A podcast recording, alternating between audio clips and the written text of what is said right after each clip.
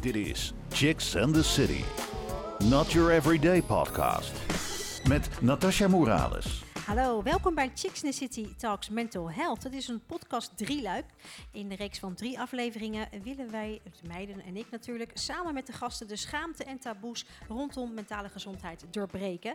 En daarom praten wij in drie afleveringen over de volgende topics: mental health en you. Hoe maak je mental health bespreekbaar en hoe zet je de eerste stap naar hulp? En hoe maak je um, mental health bespreekbaar? Deze vraag staat centraal in deze podcastaflevering. En uh, we gaan hierover in gesprek met Chantal Rachman. Zij zit hier. Hi Chantal.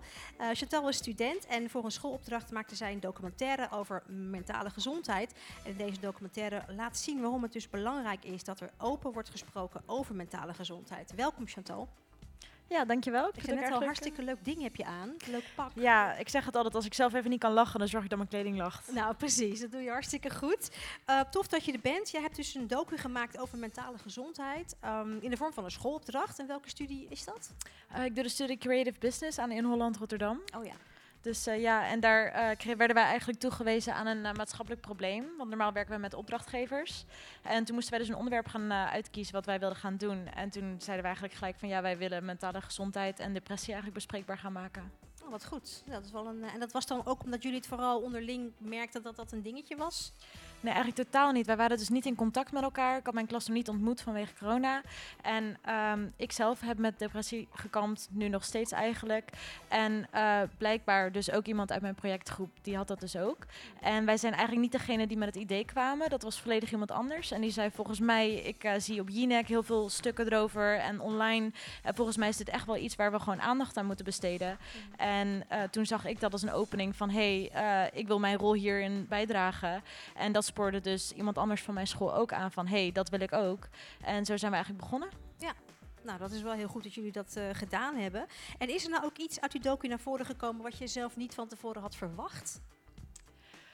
Oh, lastige vraag. Um, ik denk wat voor ons het belangrijkste werd is, wij begonnen ons vraagstuk met depressie bespreekbaar maken, omdat depressie een, uh, ja, een best wel zware term is voor heel veel mensen. En waar wij gewoon aan het einde van het proces eigenlijk met z'n allen over eens waren, is we hoeven niet alleen depressie bespreekbaar te maken en je hoeft geen label op jezelf te plakken. Of je nou drie jaar lang in je bed ligt te huilen en verdrietig bent, of dat het gewoon eventjes twee maanden slecht met je gaat. Je hoeft geen depressie te hebben voordat je gevalideerd wordt. Dus iedereen verdient het om erover te praten en om gewoon gehoord te worden. Ja, en je gevoel te kunnen uiten zonder dat ja, er precies. een soort uh, stempel op uh, gedrukt wordt, zeg maar.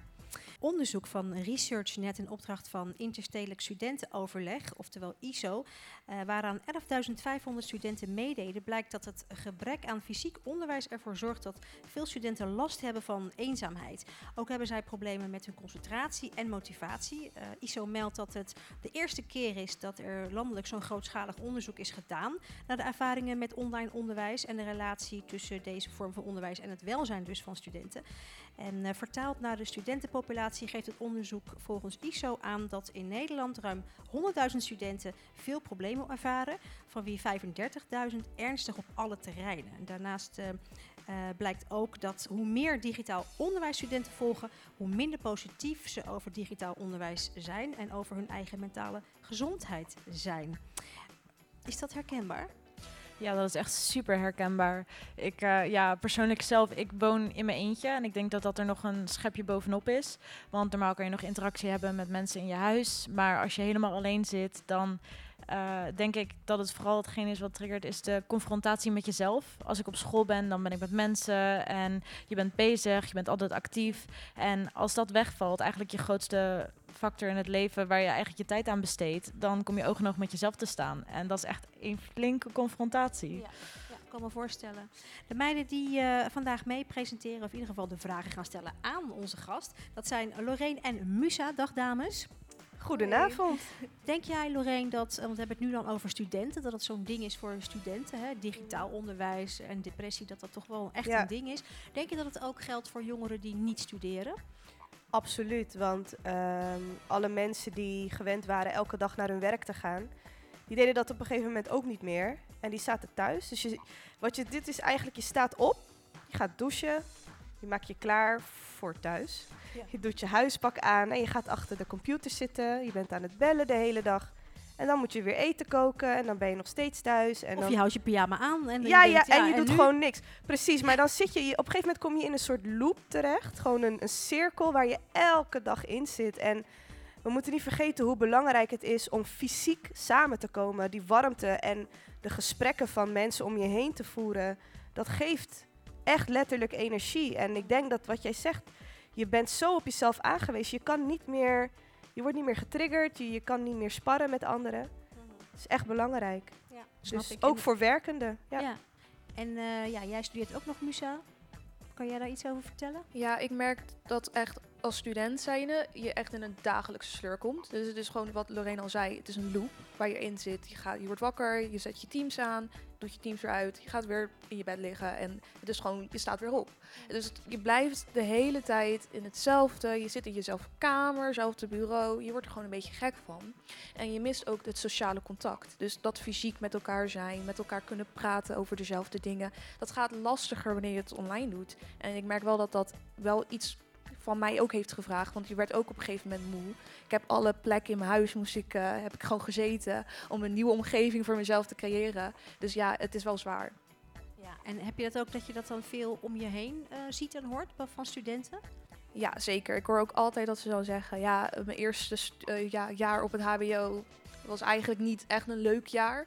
Omdat je niemand kent. Niemand, je ziet alleen maar een profielfoto op Microsoft Teams en je hoopt dat dat de goede persoon is met wie je praat. Dus het is zo van, het is niet zo leuk. En ik hoor het ook echt in mijn omgeving van, ik heb het liefst gewoon fysiek contact met mensen. Nou, gelukkig gaat de wereld weer een beetje open, dus eh Ja, dat het gelukkig. snel weer eh, voor iedereen Ja, dat is wel flink nodig zeg. Ja, ja. jullie, waren, jullie zaten er helemaal klaar mee. Ja, Ja, zeker. helemaal. ja, precies. Wij willen ook graag van jou horen. Daarom heb jij in Ask the Audience de mogelijkheid om vragen te stellen aan jouw favoriete Chicks and the City gast. Misschien wordt jouw vraag wel beantwoord in onze volgende podcast. We verloten wekelijks ook leuke prijzen onder de mensen die gereageerd hebben. Je kunt een toffe DVD winnen van de meiden van Chica Radio en een Chicks and the City lipbalm. Reageren kan. Ga naar Rijmond Chicks op Facebook of op Instagram. Chicks and the City Podcasts. Wil je weten wie er de volgende keer te gast is? Check het op chicksandthecity.nl. Je luistert naar Chicks and the City. Ja, Chantal, je hebt in de documentaire praat jij heel open over je struggles met mentale gezondheid. klopt. Heel mooi. Eh, heb je ooit getwijfeld om jouw verhaal te doen?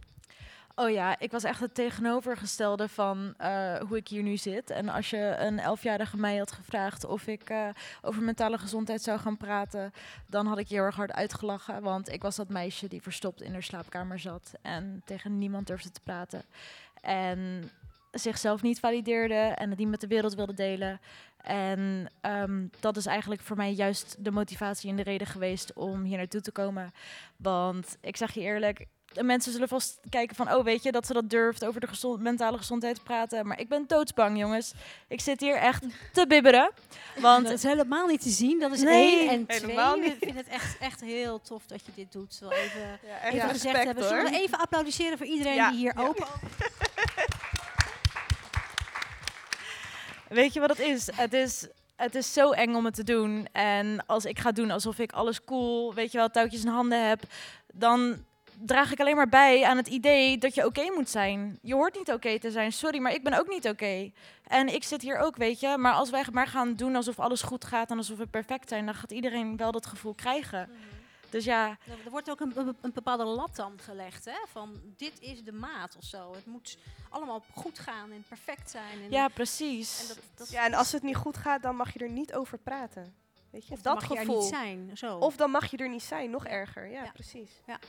Nee, heel fijn dat je erover praat. En daarmee ook denk ik heel erg inspirerend eh, voor heel veel mensen. Oh ja, het is oké om erover te praten. Ja. Ja. Zeker. En wat, wat is jouw mental health verhaal? Oh, dat is echt heel erg lang. Eh, ik zal je heel eerlijk zeggen dat ik me niet echt een gelukkige jeugd kan herinneren. En ehm, het is heel erg raar, want voor heel veel mensen merken ze het niet op als ze gewoon, ja, wat is normaal of gelukkig zijn. Maar gewoon kunnen genieten van het leven en dat op een gegeven moment merken van, hé, hey, ik ben niet meer aan het genieten. Maar hoe doe je dat als je heel je leven lang eigenlijk niet hebt genoten van het leven? En ja, dat is eigenlijk een beetje de situatie waar ik zat. Dus waar begint het verhaal, waar eindigt het verhaal? Ik weet het niet.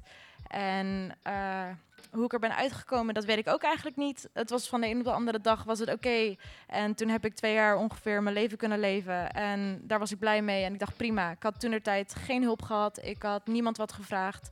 Ik had wel een paar vrienden in mijn vertrouwenskring. Mijn ouders wisten van niks. Terwijl ik echt zes jaar lang gewoon zwaar depressief thuis heb gelegen. Dus zo goed zijn we in het verbergen. En eh, toen op een gegeven moment toen kwam het terug en ik had het zelf niet door. En toen dacht ik van ja, ho eens even. Ik heb echt al zoveel van mijn leven hieraan verpest. Dat ga ik gewoon niet nog een keer doen. En dat was voor mij de motivatie om gewoon echt naar de dokter te gaan, therapie te starten en met mezelf bezig te gaan. Want ik ben, weet je, het leven is zoveel te mooi om er niet van te genieten. Dus dan moet je er wel voor gaan werken. Wauw, Ja. dit is gewoon een hele mooie samenvatting van de hele situatie. Zeker. Dankjewel. ja. eh, Wauw. Ehm, ja, Je luistert naar Chicks and the City. Yes. Ja, vaak vinden we het inderdaad makkelijker om te zeggen: ik heb mijn been gebroken, inderdaad, of mijn arm en ik ga naar de dokter. Eh, maar ja, als we naar de psycholoog moeten omdat we angstig of depressief zijn, dan durven we het eigenlijk niet. Ehm, merk jij in jouw omgeving dat het taboe is om over mentale problemen te praten en waarom?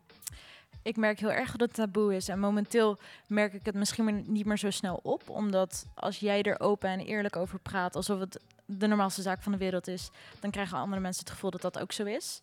Maar eh, voordat ik open en eerlijk ervoor uitkwam hoe ik me voelde, waar ik mee zat en dat ik in therapie ging, hoorde ik het van niemand om me heen. Niemand zei rustig van, oh weet je, ik ga vandaag naar de psycholoog toe. En eh, toen ik ben begonnen met gewoon eerlijk te zijn over mijn gevoelens en het niet te verstoppen, toen kwamen er opeens heel veel vriendinnen van, hey, ik eh, heb een afspraak gemaakt. En eh, ja, weet je, soms moeten mensen gewoon het gevoel krijgen dat ze niet raar zijn. En als iemand aan mij vraagt, wat ga je vandaag doen? En ik heb therapie, dan krijg ik weer zo'n stemmetje in mijn hoofd van... Oh, we gaan sporten vanavond. Of we gaan. en dan zeg ik bewust tegen mezelf: nee, ik ga naar therapie toe. Want ik wil het normaal vinden. En ik wil ook dat jij het gewoon normaal vindt. Ja. Dus eigenlijk in jouw proces heb je anderen ook geïnspireerd Ja. en gemotiveerd eigenlijk om dus er iets aan te gaan doen. Uiteindelijk denk ik dat we allemaal een beetje bang zijn om die eerste stap te zetten. Dus dan Ja. is het heel erg fijn als iemand anders dat voor jou kan doen. Nee, klopt. Kan je dan nog even één keer samenvatten waarom het dan zo belangrijk is om erover te praten? Wat doet het met je als je erover praat? Wat gebeurt er als je open bent? Als jij alleen bent, dan worden je gevoelens versterkt. En dan blijf je in je eigen hoofd zitten. En ik zei altijd maar, hoe minder ik met mensen praat, hoe meer ik mezelf afzonder. En als ik continu alleen maar in mijn eigen hoofd zit en mijn hoofd is ongelukkig. Nou, je kan je voorstellen, als twee ongelukkige mensen tegen elkaar zitten te praten, dat gaat niet werken. En als jij het gevoel hebt dat alles mis is met jou en dat er gewoon niks goed gaat, dan krijg je ook nooit een normaal perspectief van oké, wat is wel oké, wat is niet oké. Je maakt jezelf helemaal gek. En op het moment dat je er open over gaat praten met mensen, dan hoor je hoe zij het ervaren. Dan merk je dat je helemaal niet zo gek bent, dat het best normaal is dat je je zo kan voelen en dat je je er niet voor hoeft te schamen. En zolang jij maar in je hoofd blijft zitten, dan ga je dat nooit los kunnen laten. En op het moment dat je met andere mensen in contact komt en erover kan praten, dan denk je van hé, hey, weet je, ik ben helemaal niet zo gek. Het gaat best wel, het gaat best wel oké met me. Het komt ook wel oké met me vanzelf. maar nou zeg je toch dat je, eh, je, je hebt toch twee jaar eh, met een depressie gezeten. Ehm, Ik heb eh, heeft twee jaar niet met een depressie gezeten. Ik heb eh, vanaf mijn twaalfde tot mijn zeventiende, achttiende. En toen eh, vanaf mijn negentiende, twintigste tot... Ik weet nog niet of ik mezelf mag categoriseren of ik eruit ben of niet. Maar momenteel gaat het wel best prima. Ja. Daar houden we het bij. Nou ja, precies. Maar dan bedoel ik, hè, dan heb je er heel lang mee te kampen gehad. Ehm, hoe ben jij tot die eerste stap gekomen om hulp te gaan vragen? Ja, nou, de eerste keer zou ik je echt niet vertellen hoe ik eruit ben gekomen. Want dat, ik werd gewoon wakker en op een gegeven moment ging het wel oké. En ja, ik zou je echt niet vertellen hoe het is gebeurd. Maar ja, het was heel erg snel duidelijk dat het niet permanent was opgelost. Want binnen anderhalf jaar, twee jaar zat ik er weer, zeg maar, met mijn handen tussen mijn, met mijn hoofd tussen mijn handen. Eh, ja, en hoe ben ik toen voor hulp gaan vragen? Ik heb mijn hele leven de grond in zien gaan. Ik ben mensen kwijtgeraakt. Ik heb een opleiding voor waar ik voor wilde vechten. Ben ik kwijtgeraakt omdat ik me gewoon er niet toe kon zetten. En ik dacht van, ja, ik wil mijn leven niet langer hierdoor laten beheersen. En dat doet het momenteel wel. Dat is voor mij de motivatie geweest. Maar ik denk dat de motivatie om hulp te vragen voor iedereen anders is. Iedereen heeft een hele persoonlijke situatie waarvoor ze het zouden willen doen. Sommige mensen die zien bijvoorbeeld dat anderen om zich heen heel erg ongelukkig zijn en die willen beter worden om er voor hun te kunnen zijn. Sommigen heeft misschien een kind en die zou heel erg graag willen dat ze kan gaan genieten van het kind wat opgroeit in de jeugd. Ik denk dat iedereen zijn motivatie moet gaan zoeken in zijn persoonlijke situatie. Ja, dus er is eigenlijk wel echt een motivatie nodig om eruit te komen. Iets wat heel moeilijk is als je een depressie hebt, want dan ben je eigenlijk niet zo gemotiveerd. Ik denk niet dingen. zozeer dat je de motivatie nodig hebt om eruit te komen. Want in principe moet je de motivatie hebben om hulp te vragen. Want niemand kan aan jou afzien hoe het met jou gaat. Dus hoe eng het is als jij maar tegen één iemand zegt van... hé, hey, ik weet niet hoe ik dit ga doen, ik heb hulp nodig... en morgen ga ik zeggen dat ik niet meer wil... dan moet jij sterk voor mij zijn en dan moet jij mijn hand vasthouden... en dan gaan wij dit samen doen. Want ja, heel eerlijk, ik heb dat ook nodig gehad. Ik heb mijn vrienden in vertrouwen genomen en ik heb tegen ze gezegd: Ik zweer het je, als je tegen iemand zegt, als je het met iemand gaat delen, dan ga ik het je nooit vergeven. En hoe graag had ik gewild dat mijn vrienden me hadden genegeerd en dat ze naar mijn ouders waren gegaan om even te zeggen van, hé, hey, weet je, volgens mij moet je toch het gesprek gaan hebben met je dochter, want ze is niet helemaal gelukkig. En ze weet niet hoe, tegen, hoe ze het tegen jullie moet zeggen. Want ik denk oprecht dat als ik op mijn twaalfde was gestart met therapie of gewoon de dingen had verwerkt wat ik moest verwerken, dat ik dan niet zo'n lang traject had hoeven door moeten maken. Dus je had zelf niet het gevoel dat je het thuis bespreekbaar kon maken eigenlijk. Nee, voor mij thuis eh, vond ik het best wel lastig om het bespreekbaar te maken.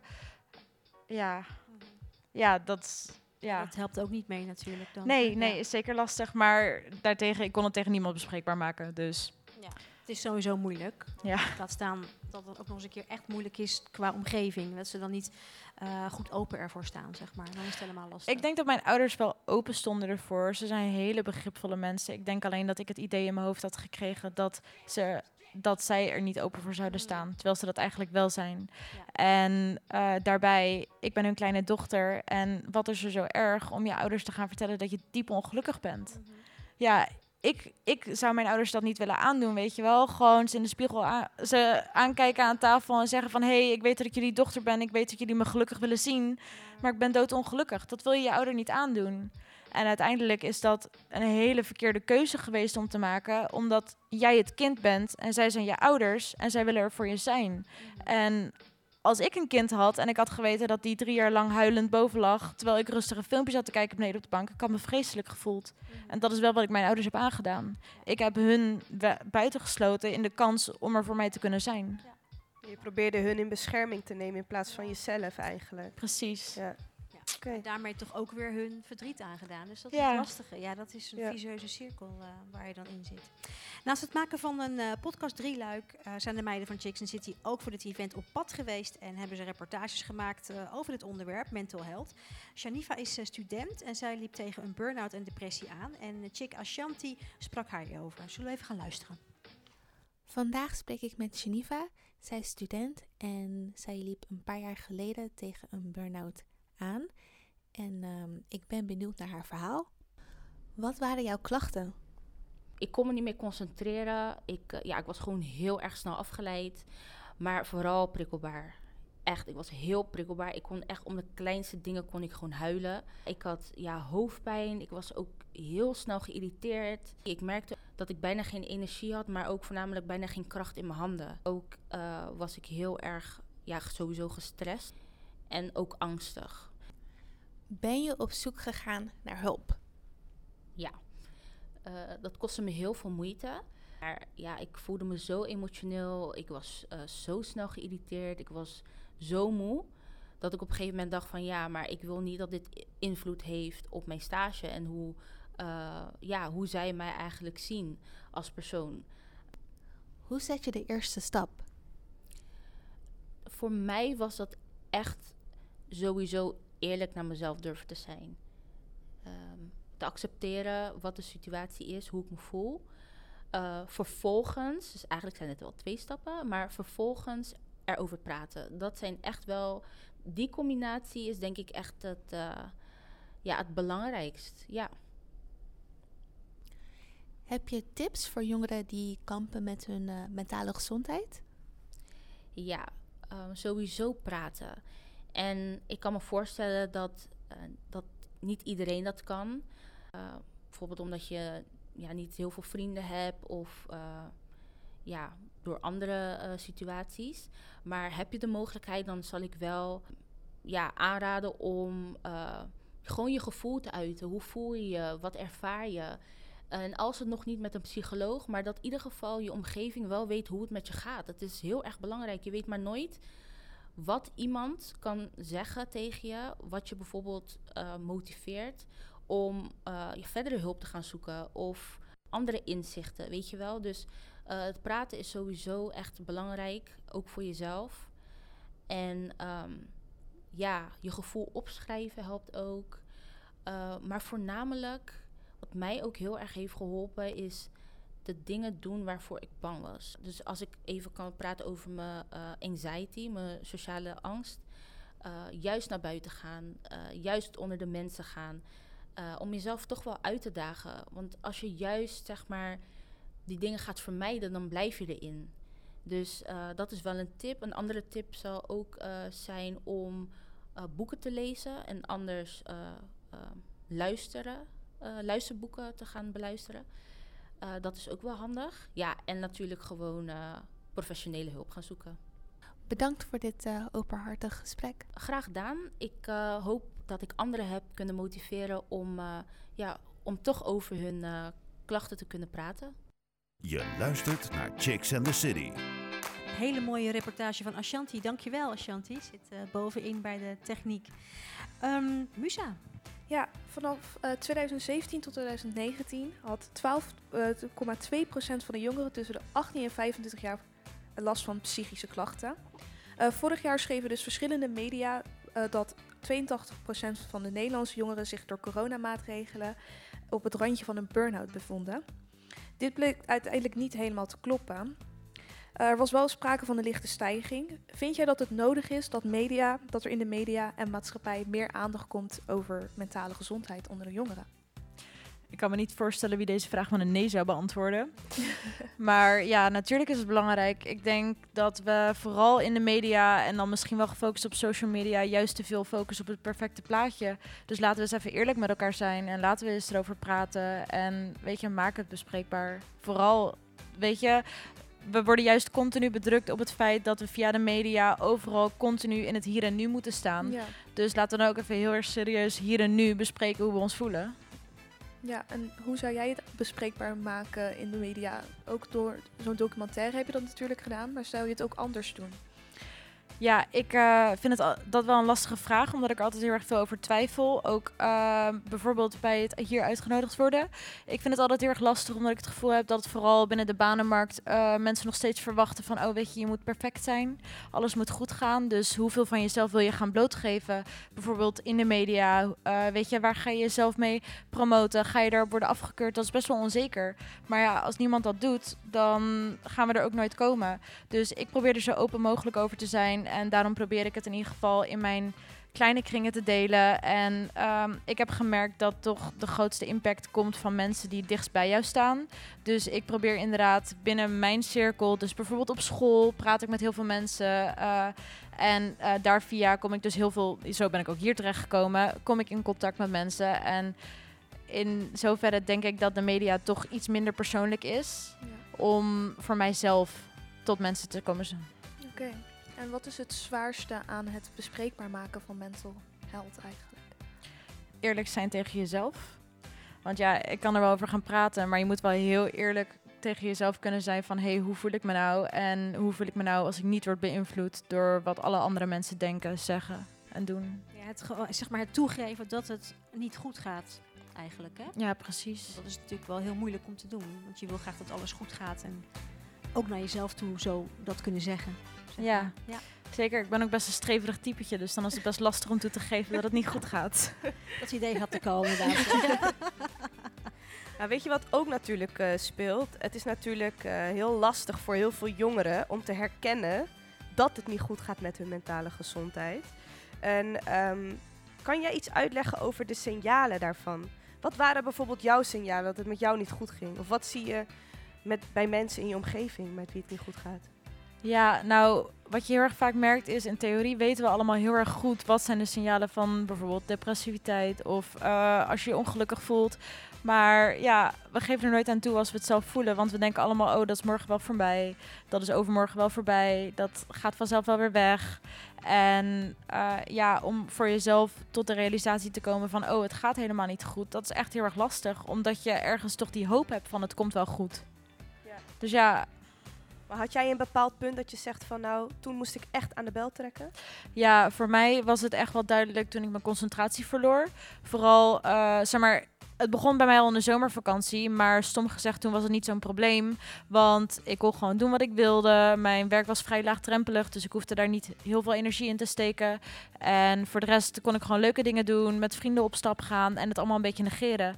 Maar de seconde dat ik op school kwam, moest ik me gaan focussen. Moest ik online op lessen opletten, moest ik informatie gaan verwerken. En toen kon ik er gewoon met mijn hoofd niet meer bij blijven. Ja. En ja, school is echt mijn passie. Dus op het moment dat het niet meer lukt om je passie te doen, ja, En als je nou één tip zou kunnen geven, of misschien meerdere tips, over hoe jongeren hun mentale gezondheid bespreekbaar kunnen maken, hoe zou jij dat doen? Oh, ik heb echt duizend tips. Ik ben er zelf ook heel erg actief mee. Maar ehm, ja, ik denk dat het het belangrijkste is dat je jezelf leuk gaat leren vinden. Want Ja. eh, in principe, als je van je eigen eh, aanwezigheid kan genieten, dan ben je nooit alleen, weet je. Dus ik ga heel veel met mezelf. Ehm, toen ik op een gegeven moment niet wist hoe ik dat moest doen, toen eh, ben ik dates gaan opschrijven voor, oké, als ik nou een heel leuk persoon tegenkom, wat zou ik met diegene gaan doen? En toen dacht ik van, maar wat nou als ik mezelf een heel leuk persoon vind? Ga ik dat dan ook met mezelf doen? Dus eh, ga jezelf maar eens uitdagen om met jezelf uit eten te gaan. Of naar de bioscoop. Zelfliefde. Ja, zelfliefde. Zelfliefde. Ga eens van jezelf houden. Mooi. En, en, ehm, ja, we vroegen het ook al in de vorige podcast. Ehm, wat als je nou jongere bent en je kunt het thuis eigenlijk niet zo goed bespreken? Eh, het is niet mogelijk om het te bespreken, omdat bijvoorbeeld ouders daar niet, eh, nou ja, dat daar niet in geloven of dat stom vinden. Of het is in ieder geval niet bespreekbaar. Wat kan je dan doen? Ik denk dat je je niet gelimiteerd hoeft te voelen tot een familieband of een bloedband. Ja, hoe stom het klinkt, het kan een hele zware term zijn, je ouders. Maar in principe kan iedereen belangrijk zijn voor jou, wie jij belangrijk vindt. En toevallig uit de vorige podcast, al is dat je tandarts. Ja, dan mag dat ook je tandarts zijn. Eh, ik had toen een heel leuk meisje ontmoet bij wie ik eindelijk mijn verhaal een keer kwijt durfde. En zij was voor mij het vertrouwenspersoon. Maar er is niet één specifiek iemand wie dat voor je hoeft te zijn. Dat kan een leraar op school zijn, dat kan je beste vriend of vriendin zijn. Dat mag echt iedereen zijn. Als je maar praat, eigenlijk. Zeker weten. Dat is het eh, allerbelangrijkst. Ja. Je luistert naar Chicks and the City. Musa, Ja, wat was de impact van de documentaire? Wat waren de reacties van mensen? Echt geweldig. Ik heb zoveel zitten huilen. Alleen dan positieve tranen. Omdat ik gewoon... Weet je, je begint zo'n project en je wil heel erg graag het verschil maken. Ik denk dat we dat allemaal wel een klein beetje willen. Maar ergens ben je er toch niet zo zeker van. En op het moment dat wij echt feedback kregen van... hey, weet je, eh, mijn beste vriendin is naar voren gekomen over hoe ze zich voelt. En eh, die is erover gaan praten. En er kwamen mensen naar me toe en die hadden via via dan van de documentaire gehoord of eh, gezien. En die zeiden van ja, weet je, ik heb echt gewoon met mijn buurvrouw zitten huilen toen jullie documentaire hebben gekeken. Omdat ik het zo bijzonder vond dat jullie je verhaal zo durfden te delen. En in mijn omgeving, mijn eigen vrienden zijn er superveel eigenlijk gaan praten over hun gevoelens naar aanleiding van dit. En ehm, ja, wij hebben dus op school viewingen gedaan, waarbij wij de documentaire gingen laten zien. En dan konden er mensen dus vragen stellen aan ons. En daar was dus ook eh, een life coach bij, want die hebben ook aan onze documentaire betrokken om een eh, meer professionele blik erop te werpen. En ehm, toen hebben wij even een hele simpele vraag gesteld van wie in de groep kent of is iemand die kampt met een depressie. En ik zal je vertellen dat er geen één vinger niet omhoog ging. En ik heb toen zo hard zitten huilen. Ik ben echt, echt een jankbal. Maar ik, werd, ik vind het zo vreselijk dat er zoveel mensen zijn die zoveel pijn bij zich dragen. En de wereld kan zo mooi zijn en we kunnen zoveel van elkaar genieten. Maar dan, dan moeten we dat wel gaan doen, weet je. En dat kan je niet alleen. Ook al moet je van jezelf houden, je, je hebt wel anderen nodig om te leren van jezelf te houden. Dus ja, Ja, mooi, heel mooi. Ja, ik ben er stil van. ja, Lorraine. ja, want eh, het raakte mij ook toen ik de beelden zag. En ehm, ik vind het gewoon heel mooi, want je maakt iets los bij anderen. Dus dat. eh, Eh, heb je het idee dat de documentaire het gesprek rondom mentale gezondheid, bij jou op school dan, ook heeft losgekregen? Ja, voor ons zeker wel. Want eigenlijk kwam het bij ons uit eh, hoeken waarvan ik het niet had verwacht. Van eh, mensen die helemaal niet in mijn jaar zaten. Of eh, mensen die, ja, leraren die naar me toe kwamen en die zeiden van... hey, kunnen we nog een viewing regelen? Want we willen het eigenlijk nog bespreekbaarder maken. We willen nog meer erover gaan praten. En via via zijn er gewoon superveel mensen naar mij toegekomen. Heel open van, hey, wil je betrokken worden in deze projecten? Of misschien kunnen we er op deze manier nog wat mee doen. En eh, zeg maar, een gemotiveerd persoon motiveert anderen. Dus niet alleen hebben we mensen geholpen die zelf zeg maar kampten, maar ook mensen die misschien er niet mee kampen, maar wel een verschil willen maken. En zo zijn er gewoon echt ja, heel veel mooie dingen, zoals bijvoorbeeld deze podcast uit voortgekomen. Ja, en ehm, heb je ook een vervolg? Dus een vervolg op je documentaire, ben je dat van plan? Eh, nee, de documentaire die heb ik ook samen gemaakt met iemand eh, die dus ook kampte met depressie. En die heeft ook aangegeven dat het voor hem wel een hoofdstuk is wat hij wilde afsluiten. Dat had hij nodig om eh, zijn leven verder te kunnen oppakken. En ik wil daar heel erg, veel, heel erg graag respect voor hebben, omdat ik denk iedereen heeft zijn eigen verhaal. En Ja. iedereen doet het om zijn eigen redenen. Ja. Dus voor ons was het een schoolproject. En persoonlijk heb ik er meer van gemaakt. En ben ik nu nog steeds actief in, weet je, mijn eigen ervaring eigenlijk delen met mensen. Maar echt kijkend naar de documentaire is dat wel een eenmalig ding geweest. Ja, want hoe zou je je dan nog verder in willen zetten voor mentale gezondheid of om dat bespreekbaar te maken? Ik heb echt geen concrete plannen, maar ik grijp alles aan wat je naar me toe gooit. Ja. Nou, door jezelf te zijn eh, doe je het al. Dus, eh, Dankjewel, respect dankjewel. daarvoor. Dames, ik wil jullie heel erg bedanken. Super bedankt voor jullie goede vragen natuurlijk, ehm, eh, lieve dames Lorraine en Musa. En Chantal Rachman, heel erg bedankt voor jouw openlijke verhaal hierover. En ik denk dat je, nou, ik weet zeker dat je heel veel mensen hiermee eh, inspireert. En eh, Dankjewel. ook helpt vooral. Dus super bedankt voor jullie komst en aanwezigheid. Ehm, nou, wij gaan eh, zo weer naar de volgende podcast. Mijn naam is Natasja Morales. Ik vond het heel erg gezellig met je. We zitten in de bibliotheek Rotterdam. Een hele fijne plek hier in het theater. En eh dankjewel. Tot de volgende podcast. Ciao. Chicks and the City. Volg ons op Instagram, Chicks and the City Podcasts. Like ons op facebook.com slash. De volgende show? Lees het op chicksandthecity.nl